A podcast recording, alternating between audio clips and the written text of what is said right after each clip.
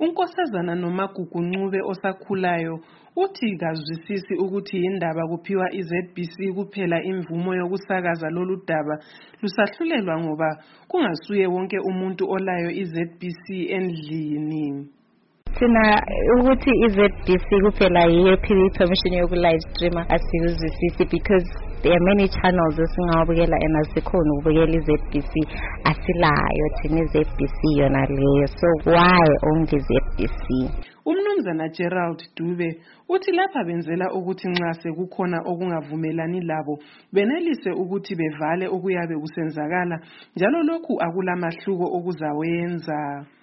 benzela ukuthi besefe kuhle izinto e, e, e, ezingafunakaliyo vele babefuna ukuthi sizwise isizanu zodwa nxa mdc sikhuluma izinto zabe eziqakathekileyo esitshaye ngento yominda advert zabona sokugida amankazana enethwani ku-tv wenu simelele ukuzwa into eziqakathekileyo akutshintshi lutho njengoba vele ngike ngabona enye icomment ka-idl yane ngani ilokuyi-threatening tone so aso vele akula nto ephumayo la labo ngendlela i-confidence abalayo khanya ngani ha la majaji asezikhwameni zabo so ngaze kube live ngaze kungabi live salayo ultimately vele i-decision isebantwini abangu-nine UNkosikazi Novuyo Moyo uthi yena akulanto ezaguqulwa yiConcord kodwa izenza izinto zome ngamandla ngoba kunengi okukhona. IConcord le akulanto ezayitshintsha eh singakhuluma iqiniso awulanto ezatshintsha whatever i outcome ezaphuma leyo ayisoze itshintshe lutho if anything it will make things worse because khathesi kulento zama-red eh, if anything to make things worse akula nto yatshintsha la weza bayenza wabayenza akula nto etshintsha ukuthi uchamisa usapotwa ngumgabe akutshintshi lutho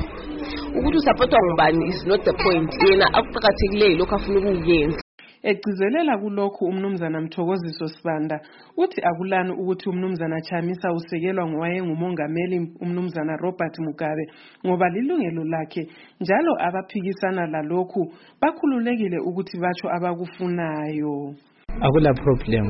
Into omele bebeyazi ukuthi eZimbabwe we are a democratic uh, nation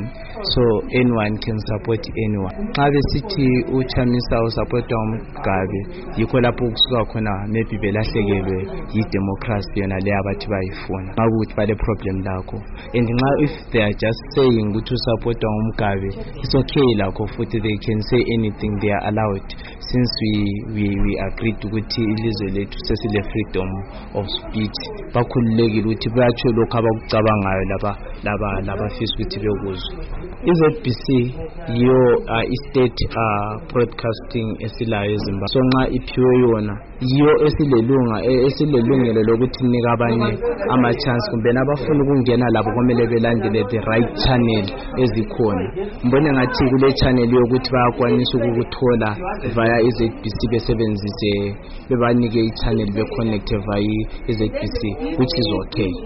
UNkosikazi Geli Ndlovu othengisa ezitaladeni zakoBulawayo uthi ithuba lokubona lolu hlelo kumabonakude abasoze balithola ngoba beyabe besemsebenzini.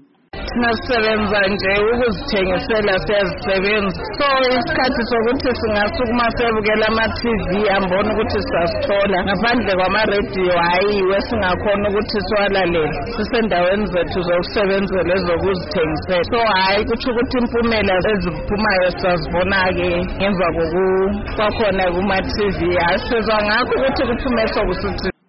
abanengi bathi lokhu okwenziwe lidale eliphezulu ukunikeza i-zbc ithuba lokusitha lezi zehlakalo zalomthethwandaba bekumele kuphiwe abanye ithuba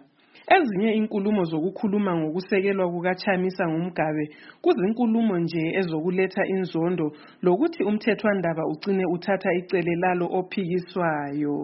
Abanye ngabathi iConstitutional Court yona ngokwayo iza ivele ihlaselwe kakhulu ngumanyano oweMDC Alliance njalo lokhu kungadala ukuthi leli dale licine lidinge ukuphuma lesinqumo sokukhawulisa uChamisa.